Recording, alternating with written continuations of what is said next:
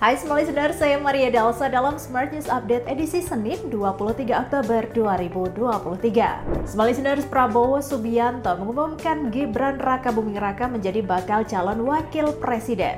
Ketua Harian DPP Partai Gerindra Sufmi Dasko Ahmad menjelaskan Gibran diumumkan lebih cepat sebagai cawapres Prabowo karena hasil kesepakatan para ketua umum anggota Koalisi Indonesia Maju.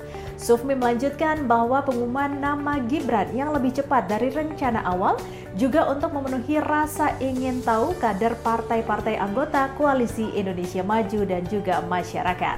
Berita selanjutnya, pemerintah Provinsi DKI Jakarta menggandeng operator jasa dan Kementerian Keuangan dalam pembahasan regulasi pengenaan pajak dan layanan ojek online dan toko daring. Kepala Badan Pendapatan Daerah Provinsi DKI Jakarta Luciana Herawati mengatakan, pemerintah daerah yakin pendapatan dari aplikasi online tersebut dapat membawa dampak yang positif bagi pendapatan. Namun demikian pihaknya juga mengedepankan prinsip kehati-hatian dalam menerapkan suatu objek pajak pusat dan pajak daerah.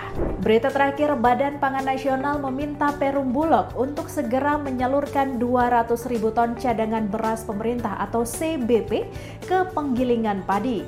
Kepala Bapanas Arief Prasetyo Adi menuturkan dengan guyuran beras ke penggilingan padi diharapkan bisa mempercepat menurunkan harga beras yang saat ini masih sangat tinggi.